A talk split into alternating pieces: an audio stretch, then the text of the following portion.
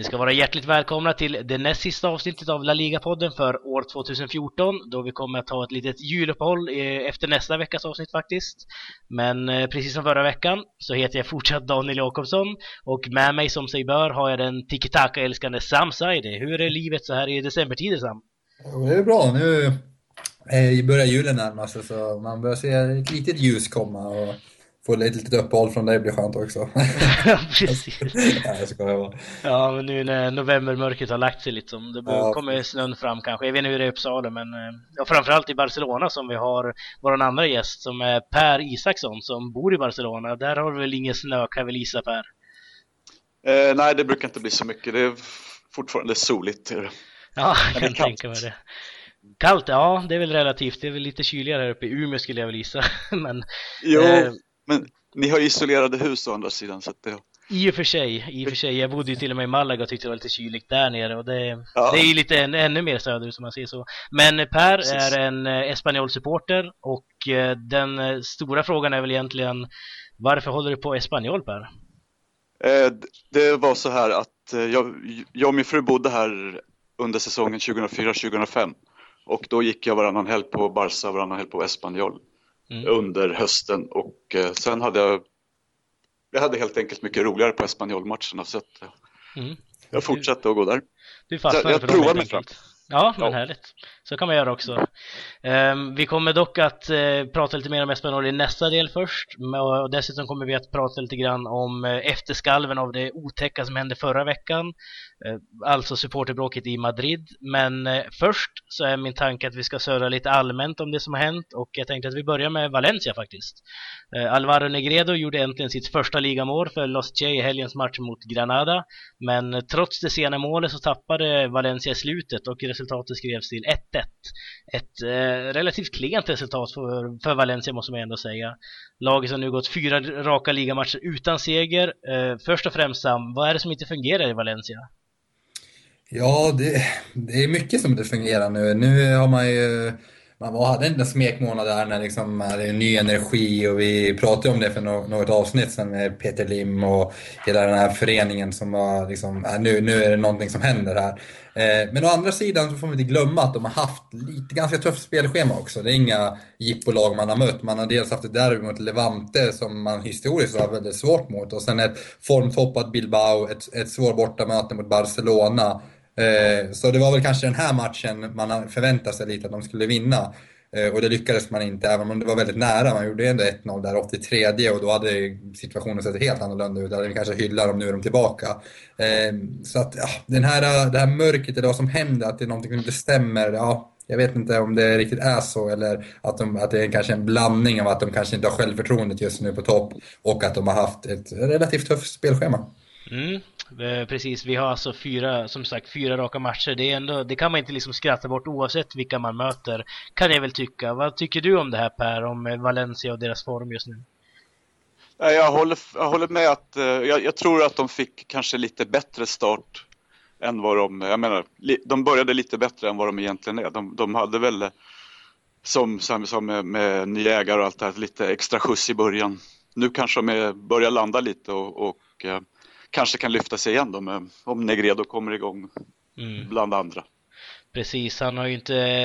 Det här var ju hans första mål. Han har ju sett lite ganska trög ut ändå. Paco Alcacer har väl egentligen överglänst honom på många sätt. Men nu har ju Alcacer... Nu vart Alcacer dessutom utvisad i den här matchen. Och Pablo Piatti har väl varit skadad så vitt jag vet. Kan det vara en stor orsak också på att det går så här dåligt nu för dem Sam? Ja, alltså Alcacer har ju varit den här äh, målskytten av Valencia i inledningen av säsongen. Klart att när han tappar lite humör och form och äh, liksom drar på sig en utvid, klart att det påverkar laget. Äh, men sedan så, jag är, jag är helt övertygad om att Valencia kommer komma tillbaka liksom på vinnarspåret. Och eh, det är nog lite att de, inte att de överpresterade i början, det var inte att de liksom överträffade sig själva, men det var ju nog den här lite, vad ska man säga, som många nykomlingar brukar ha ibland. Det här eh, över, eller att man överpresterar, inte överpresterar, men att man är, har lite extra skjuts i början och det är en sån här fräsch energi i hela föreningen och i laget. Och sen när det har lagt sig lite, då kommer man in i vardagslunken igen. Så att, men mm. jag, jag, tror att det kommer. De kommer tillbaka nästa match. Vilka de nu möter, det har inte kommit. Eh, Rayo Vallecano möter de i ligan och så möter de eh, Vallecano direkt efter i, sam, i Copa del Rey igen då. Ja. De vann ju där i veckan med 2-1. Där blir det tre poäng och blir det inte det, då ska vi ta upp det igen. Okej, okay, och avancemang i Copa del Rey antar jag också. Ja. Ja. Um, vi har ju då, det är ju sant det här, vi har alltså en ny tränare i Nuno Espirito Santo, vi har varit inne på det många gånger tidigare, hans nya Valencia och så vidare. Peter Lim har kommit in, många nya spelare, intressanta spelare, Rodrigo, Negredo och så vidare. Så visst, det, det, tar väl en tid, men vi får se hur det går nu med vad som händer i silly season också. Vi har ju det framför oss, gud vad kul! Ja, sen så tror jag också, jag tror också att eh, när, när Negredo blir lite varm i kläderna då kommer det bli väldigt bra. Om man får till det, alltså Alcacer och, Alcacer och Negredo tillsammans, får man ihop det, då kommer de nog bli ännu bättre än vad de var i inledningen av säsongen. Ja, det blir intressant. Det är två olika spelstilar också de mm. där två. Eh, men eh, en annan som Negredo var ett nyförvärv för Valencia. Eh, en annan, ett annat nyförvärv vi hade i ligan var ju Thomas Vermalen Eh, Barcelona mittbacken, eller Barcelona mittbacken och mittbacken, han vill inte spela en minut än så länge. Han är fortfarande skadad och eh, fyra månader han eh, ryktas han nu vara borta igen, det vill säga han kommer tillbaka i april först. Vad har egentligen hänt här Per? Vad, vad är det här för kille, Fermalen? Eh, jag måste erkänna att jag har ingen jättekoll på vad som har hänt nu med honom. Just idag så står det i tidningen att han för första gången tillbaks på träningsanläggningen och han tränar inte med de andra förstås, men eh, mm. han var i alla fall där. Och, och, han fick ju lite hälsningar igår från uh, laget med special t-shirts och sådär. Så att han, han, um, han uttalade sig själv och sa att han känner sig uppskattad och att han gör allt för att komma tillbaka så fort som möjligt. Mm. Samtidigt så, så, har de tydligen lagt fram en förfrågan till förbunden om de får värva någon ersättare för honom nu. Det får de inte. Nej. Har fått svar. Just det, de har ju den här transfer-bannen där, Barcelona. Precis, måste man ju lägga till. Och eh, många i Barcelona-kretsar, vad jag läst mig till i alla fall, säger att det här är en ny Zygrinski. Men eh, vad säger du Sam om jag säger att det här kanske är en ny Jonathan Woodgate till och med? Ja, det är nog en bättre liknelse. Zygrinski jag vet inte, han fick lite oförtjänt mycket kritik. Klart att han inte presterade som han hade tänkt sig, att det var lite, det var en Guardiola-värvning, men det var inte som att han var dålig i Shakhtar, utan det var ju en spelare som var gigantisk i Shakhtar som man tog in. Men mm. nu, Vermaelen är ju en spelare som har varit skadad i Arsenal och inte platsat i Arsenal på slutet. Eh, som har haft en, en ganska, liksom en skadehistorik som talar för sig. Och att han gick igenom läkarundersökningen, det är för mig en gåta hur det nu gick till. Och eh, detta är bara ännu ett bevis eller någonting där att Subisareta är nog Barcelonas sämsta sportchef genom alla tider. Oj, stora ord. Han är rikt, alltså det, det börjar bli det, det, nu pratar vi inte bara Fermalen, Douglas Pereira har ju inte rosat marknaden, ingen har talat om människan. Eh, och det är så här, det är så här konstiga värvningar och ibland börjar man ju, man går ju med i de här konspirationsteorierna lite, alltså man börjar ju så här, är det någon avbetalningsplan eller någonting för gas fortfarande eller någonting? Eh, hur kom sig det här liksom? Kollar man på vad de har lagt ut, alltså pengar på sådana bortkastade köp, då man skulle kunna signa en, en Hummels, en Benatia, liksom. man kunde ha lagt de pengarna på mycket bättre spelare. Eh, nej, det är riktigt illa Subi. För mycket golf. För mycket golf. Det kanske, men... där de ska, det kanske är där de ska göra nästa värvning och byta sportchef och kanske läkare också om det Ja, ja, definitivt. Det är Barcelona, Barcelonas stora problem är just nu definitivt ett, eh, liksom, det är styrelsen. Det är där, liksom, från toppnivå, det är där problem, det, det stora problemet ligger. Det är ett maktspel bakom kulisserna som har påverkat laget nog otroligt. Mm. Och det är ofta sådana, sådana i, i, vissa klubbar i Spanien. Vi ser Deportiva är ju samma sak där. Ja. Vilka problem de har, mitt Deportiva, alltså med sportchefer och presidenter och så vidare. Det är en så lång process som är så svår att få bort och då, då, därför lägger man ju liksom väldigt mycket fokus på de här spelarna. Fermalen får ju oerhört mycket kritik, men det är väl egentligen inte hans fel att han går skadad liksom, på det sättet. Nej, men det, det, det är ju en intressant fråga. Man brukar ofta hylla de spanska lagen, den här äh, demokratiska institutionerna, du vet att medlemmarna bestämmer och, och att det finns en, liksom, äh, man kontrollerar makten på något vis. Medan de Premier League-klubbarna är mer så diktatoriskt. Det är så en ägare som köper upp klubben och alla liksom är tysta äh, och följer honom.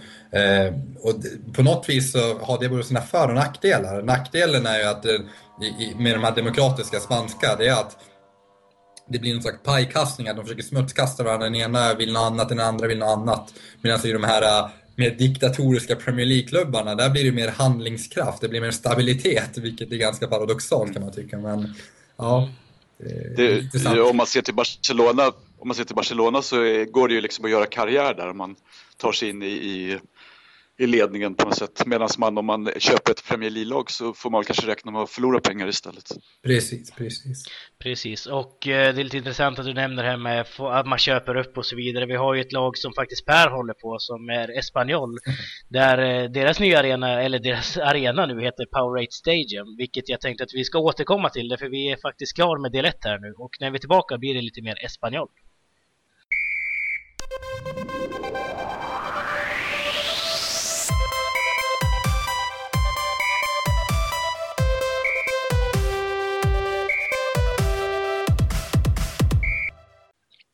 I helgen så spelades det ett av Spaniens kanske hetaste stadsderbyn som dock, tyvärr måste jag tillägga, ofta slutar på ett sätt.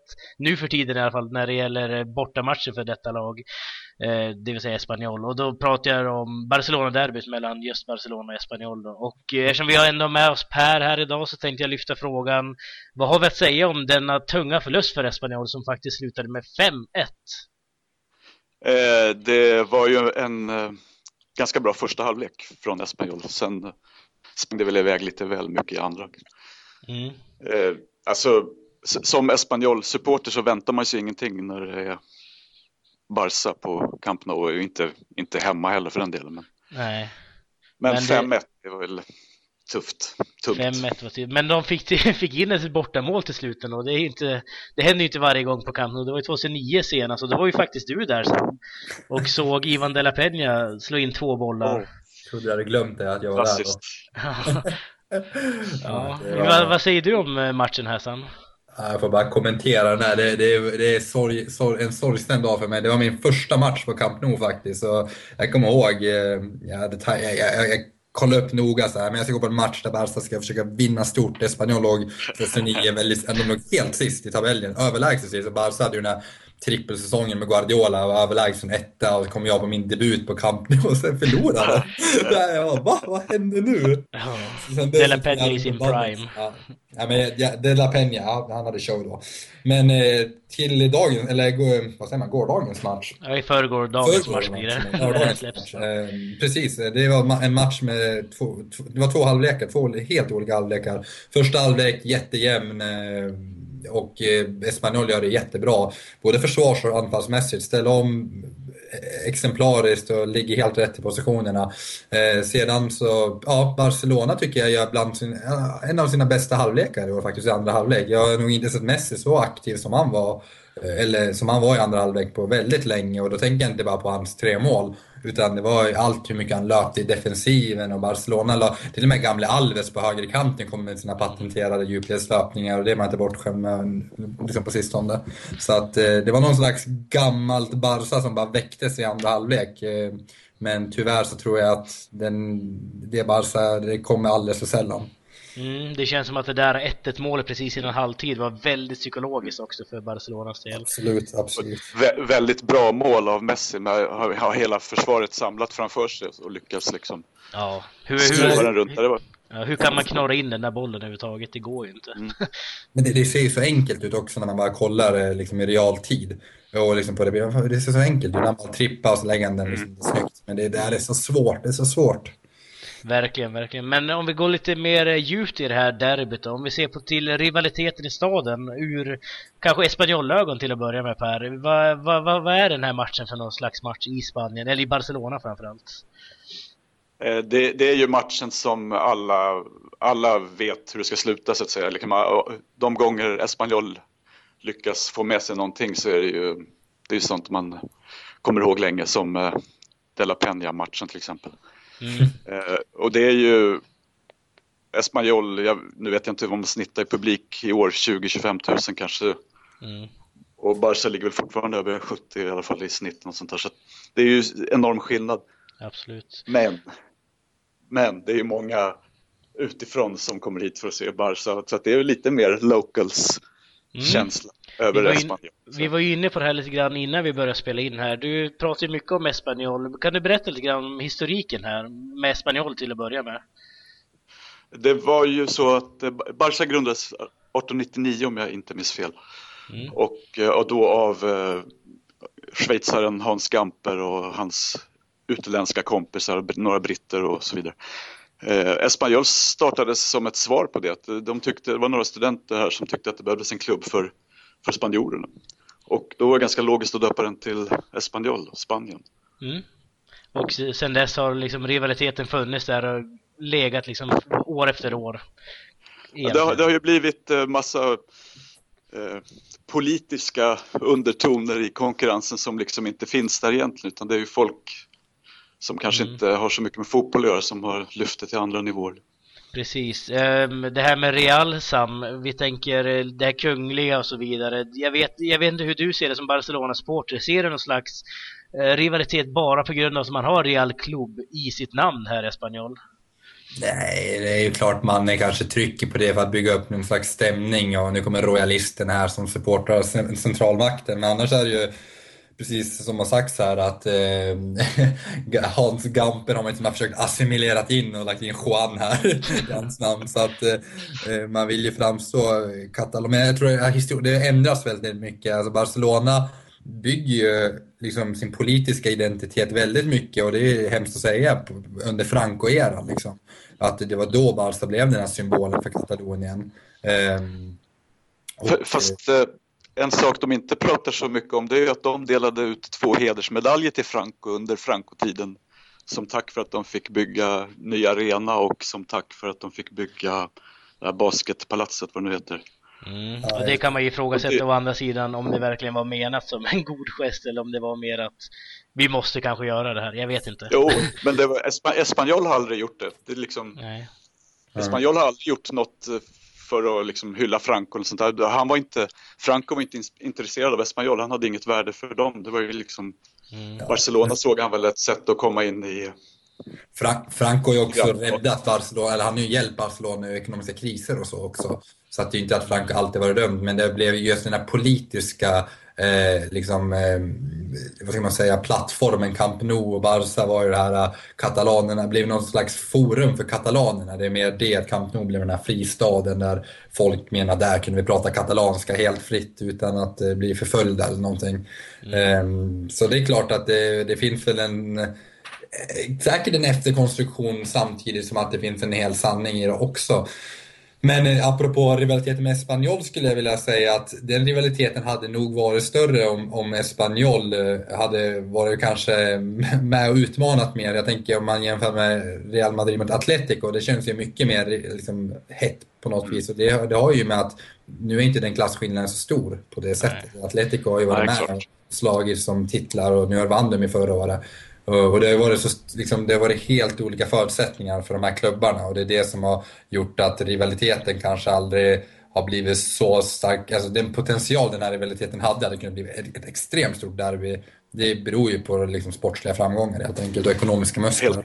Precis, men eh, nu har vi kommit på ett litet sidospår här. Eh, jag tänkte att vi ska fortsätta lite med på Espanyol eh, som lag här. Vi har alltså plockat in, de plockar in inför säsongen Sergio González som eh, tränare. Den gamla Deportivo mittfältaren, även spelat i Espanyol då. Ehm, om man skulle jämföra detta Espanyol som i nuvarande stund ligger på trettonde plats med exempelvis Javier Aguirre som eh, försvann nu i somras. Vad ser du för skillnad på de här två lagen, Per? Eh, det, en, en uttalad skillnad är att eh, de ska försöka spela lite mer offensivt. Nu är ju kvaliteten sån att det blir inte så mycket, jag menar, det blir mycket kontringsspel och sådär. Ändå mm. precis som det var under Agirre. Men, men Agirre ville ju på något sätt kontrollera det, by, bygga försiktigt bakifrån spelet medan eh, Sergio hellre går snabbare framåt. Mm. Liksom. V vad tycker... Eh, ja, fortsätt. En, annan skillnad är ju att han tränade Espanyols B-lag förra året och eh, plockar ju gärna in, har han visat, eh, spelare därifrån. Då. Inga mängder, men Erik Bailly till exempel igår som debuterar från start som mittback. Mm, precis, framför en Hector Moreno och Diego Colotto måste man ju faktiskt mm, nämna där precis. också.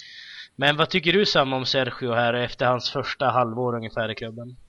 Ja, men jag har också fått det intrycket de matcher jag kollar på Espanyol. Det är försöksspelare, alltså han vill ju spela, han är ju också den här, vi var inne på det förra avsnittet, hur gammal är han? 38-39 år. Ehm, mm. En, en, av de här unga tränarna eh, som har skolats i Spanien som vill spela mer en offensiv präglad fotboll.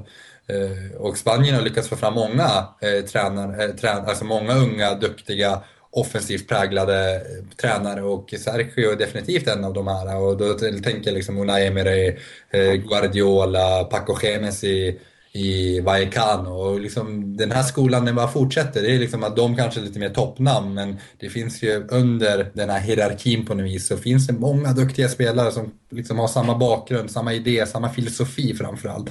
Och eh, sen att det inte liksom, eh, att det inte bli som man har tänkt sig på plan alltid utan det är väldigt svårt att få ut eh, sin idé alltid. Eh, det är en helt annan sak. Men eh, en, en intressant tränare, en ung intressant tränare.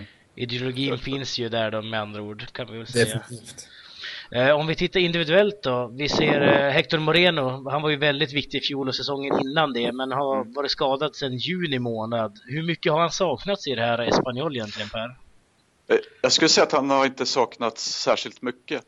Det var ju eh, eh, ett uttalat mål i somras att man skulle sälja honom när han hade gjort en bra VM-turnering. Det var liksom helt öppet och jag tror till och med man hade satt en prislapp där. Men så skadade han sig där halvvägs in i turneringen. Ja. Och så sprack det. Så att egentligen man hade mer eller mindre räknat bort honom. Det är okay. klart, hade han varit frisk så hade han nog varit ordinarie tillsammans med Alvaro eller Colotto. Men, eh, men jag, tror, jag, jag skulle säga att man inte har saknat honom speciellt faktiskt. Okej, ja. Colotto är en gammal favorit för mig, eh, för mig i alla fall sen Deportivo-tiderna och Moreno, visst, det, det var ju ett av de starkaste mittbacksparen tycker jag ändå. Stundtals förra säsongen ändå faktiskt i Espanyol. Eller vad, vad tycker du Sam om det här? Hector Moreno eller? Ja, precis. Hur, om han har saknats eller om du tycker att de har klarat sig ändå? Nej, jag tycker de har klarat sig ändå faktiskt. Eh, det är klart att Hector Moreno är en väldigt duktig spelare och kommer han tillbaka i form så tror jag dock att han kommer ta en startplats. Eh, mm. Men om vi ändå är inne på att hylla spelare så vill jag passa på nu när jag har chansen att hylla en viss Sergio Garcia. Det är en spelare jag alltid varit svag för. Inte för att han är en Barcelona-produkt. Och nu är han ju dessutom lagkapten, eller är han det? Han kapten? Ja, precis. Ja, Eh, och det tycker jag är en väldigt underskattad spelare som förtjänar cred nu när vi ändå håller på att credda spelare. Mm. Eh, då kan jag väl slänga in Kiko Casilla där då. Ja, Kiko också kanske. Men Sergio Garcia, det är inte bara i Espanyol jag tycker han har varit riktigt bra utan han var bra i Betis som han har varit där, han var Zaragoza också. Han har ja. gjort det. Tycker det är konstigt att han aldrig fick riktigt en ärlig chans i Barcelona. Precis. Det var, vad, hans, mål igår var tydligen, uh, hans mål igår var tydligen det första han har gjort på Barca genom alla åren han har spelat okay. i olika klubbar. Ja. Okej. Milstolpen. Precis. Ja. Eh, men eh, tiden springer förbi oss här och jag tänkte lite kort här innan vi avslutar Espanyol-delen att väldigt, väldigt eh, snabbt snacka lite grann om Cornelia El Prat som eh, nu har bytt namn i somras till Powerade Stadium. Väldigt kort Per, vad har du för kommentar på det här? Eh, alltså alla, alla som följer Espanyol eh, uppskattar det väldigt mycket på grund av pengarna. Det är liksom helt nödvändigt. Det, mm. stadion hade officiellt inte något namn innan så det var inte så att de bytte namn utan den har liksom kallats Corneilla El Prat för att den ligger där på gränsen mellan Corneilla och El Prat. Okej. Okay. Så mm. den där Poerate som man säger på spanska. Poerate. eh, när de kommer in och slantar upp ganska bra pengar för fyra år framåt så det är bara välkommet. Mm. Vad, tycker, vad, tycker, du Sam om det här eh, namnbytet? Vi har ju varit inne på det lite kort tidigare. Ja, nej men absolut. Det är en del av eh, moderna, moderna fotbollen återigen och Espanyol gör helt rätt som gör det och, och det är inte att de säljer ut något historiskt namn eller någonting utan i det här fallet känns det till och med som ett smart drag liksom. Mm. Härligt. Eh, därmed så sätter vi punkt för del två och när vi är tillbaka så snackar vi lite grann om ja, det tragiska som hände förra veckan helt enkelt.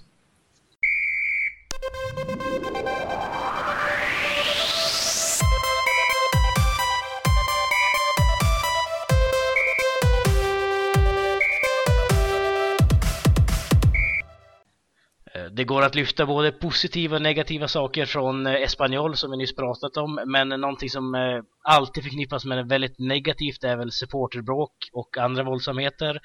Förra veckan så avled Deportivo-supporten och tillika Los Suaves och Resor Blues-medlemmen Jimmy efter konfrontation med högerextrema Frente Atletico som är Atletico Madrids, eh, en, en av eh, Atletico Madrids supporterfalanger. Ehm, det spanska fotbollsförbundet och klubbarna har sedan dess tagit i med hårdhandskarna för att fördöma det som har hänt och ehm, det, detta har lett till att Frente Atletico exempelvis är avstängda från eh, Vicente Calderón. Ehm, kortsidan där Riazor Blues brukar stå har varit avstängd i två matcher i La Coruña. Gör man rätt i att förvisa sina supportrar på det här sättet Sam? Jag vet inte, det här är en, fråga, det är en sån här fråga som vi har i Sverige i Allsvenskan.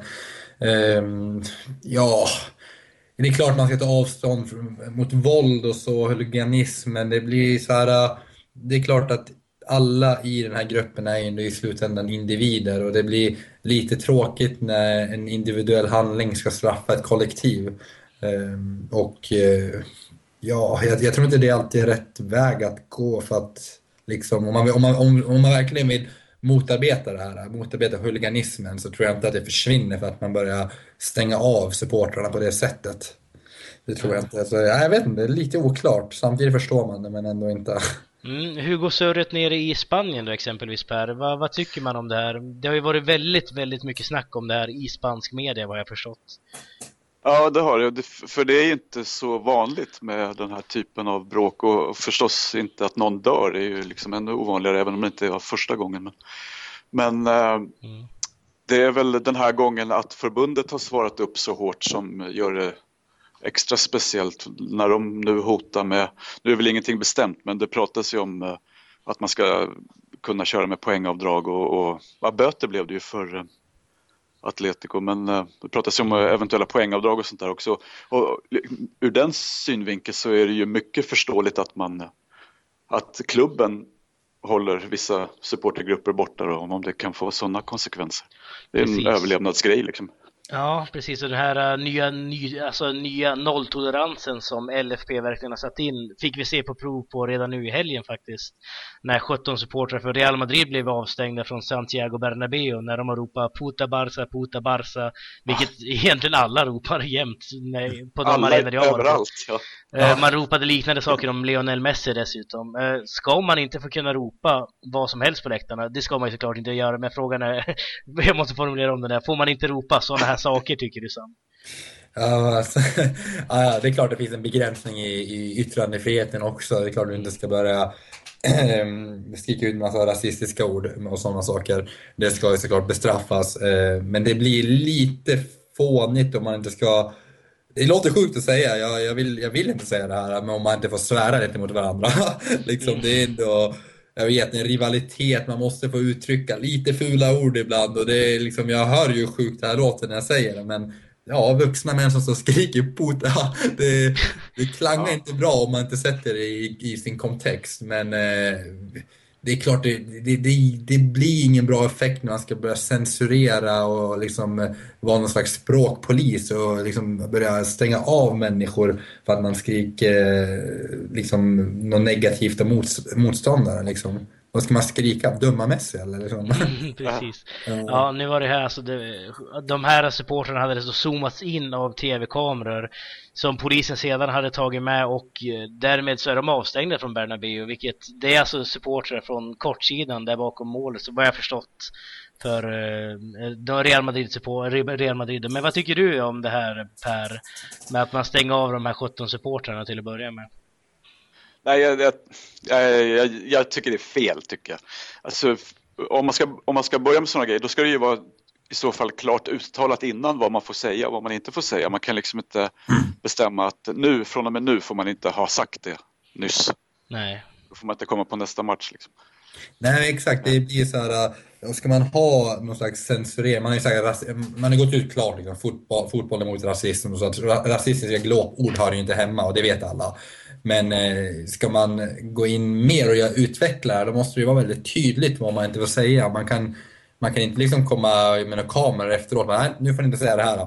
liksom det, och å andra sidan så förstår man det på ett sätt ändå. För så här, såna har, det, det, känns harmlöst för det första. Jag tror inte någon verkligen tycker Messi är en puta eller någonting. Det tror jag inte.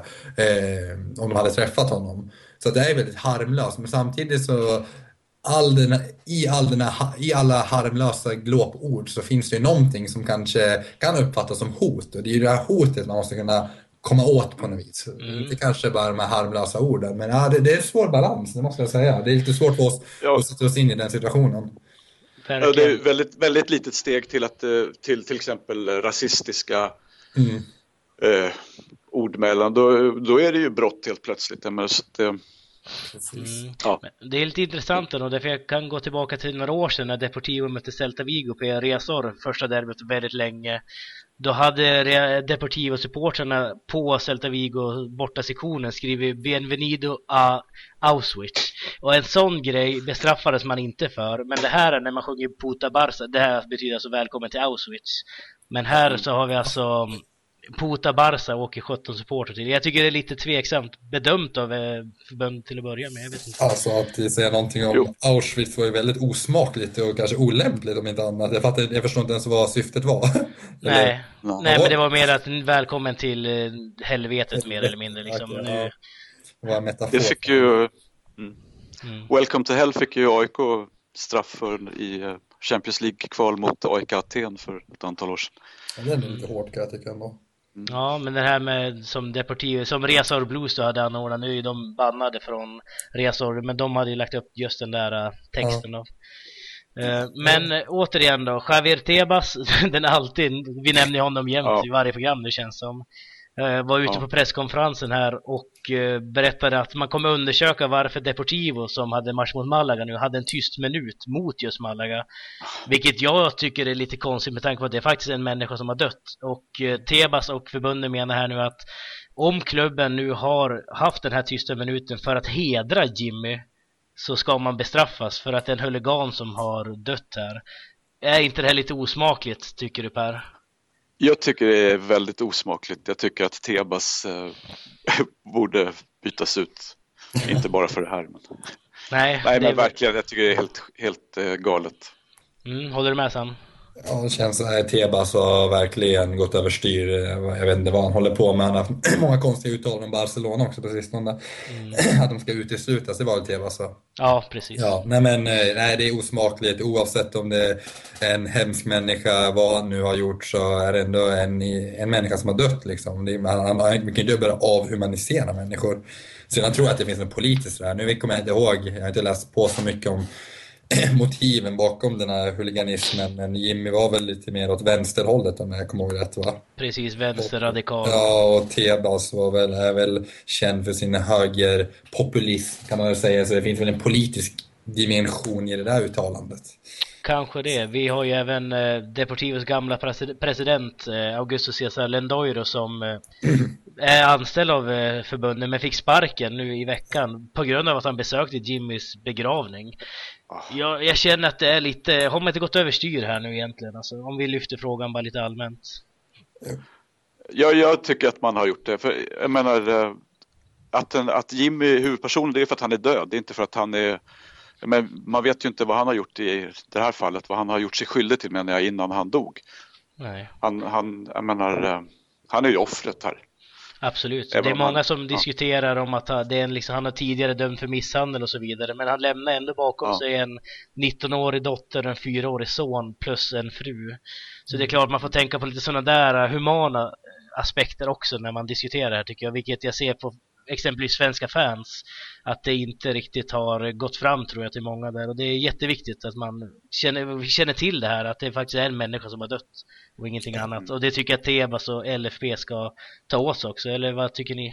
Ja men det är ett obehagligt klimat i hela Europa känner jag. Bara, eller, jag tänker nu när du tar upp det med svenska fans och det är mycket, mycket inhumana kommentarer överallt. Liksom. Jag vet inte, det börjar bli en slags intolerans och, i hela Europa rent politiskt som är lite obehaglig alltså. Precis, och det är som sagt, vi har ju varit inne på det jätte, jättemånga gånger. Det går ju nästan inte att skilja från fotboll och politik i Spanien faktiskt. Även om det kanske trappas ner någorlunda, men det finns ju det. Det fick vi ett svar på nu förra helgen bara. Ja, liksom. precis. Eh, Men eh, vi är tyvärr färdiga med veckans avsnitt här. Men innan vi avslutar så vill jag Sam att du ska presentera veckans lista. Ja, absolut. Veckans lista så... Veckans Tokiero, Tokiero, den gode Tokiero. Hur går det för honom egentligen? Jag har tappat lite koll på honom. Eh, jag tror inte han har spelat än på någon månad. Jävligt. Eh, Nej men Tokiero går till, ja det här, jag har inte gett den en enda gång till denna person under hela, sen vi startade den här podcasten och nu tycker jag han förtjänar den och det är Leo Messi. Han har hysterisk form och eh, det, anledningen till att man inte har gett veckans Tokiero till honom det är väl bara för att man jämför Messi med Messi så att liksom referenspunkten är han själv när han var som bäst och då är det ju väldigt svårt att nå upp till det. Men nu tycker jag han börjar, alltså nu har han varit så pass bra att jag kan inte liksom avstå att ge honom Tokiero. Han förtjänar sin första Tokiero. Det Mm, definitivt. absolut, det kan jag hålla med om. Samtidigt som eh, jag vill även lyfta fram Cordobas första seger nu. Absolut. Man är det sista laget av de sex högsta ligorna i Europa eller liknande som vinner och man gjorde det mot Atletic borta faktiskt. Ja. Vilket är ganska roligt. Eller Starkt. om inte annat. Roligt kanske inte var men. Eh, veckans Faber. Ja, det kanske man kan, som vi var inne på, Tebas, Javier Tebas, han har ju vill inte rosa marknaden på sistone och haft lite, eller lite, ganska många och klumpiga uttal och det är dags för honom att dra på sig Faubert-dräkten här och ja, veckans eller Faubert blir Javier Tebas. Mm, härligt. Vad tycker du om listan Per? Jag tycker det var en alldeles utmärkt lista. Även om inte Messi är min kille så är det var hans eh, match, hans seger igår. Ja, verkligen. Ehm, jag gillar ju Luis Suarez också, hans assist där till andra målet, men eh, det kan vi nämna någon annan gång kanske. Eh, tack så mycket för att du ville vara med i avsnittet eh, och den här veckan Per. Tack, det var roligt. Ja, och även tack till dig Sam såklart att du var med även denna gång och led med mig. Nästa vecka är vi tillbaka med det sista avsnittet för 2014, så tack så länge! Tack, tack.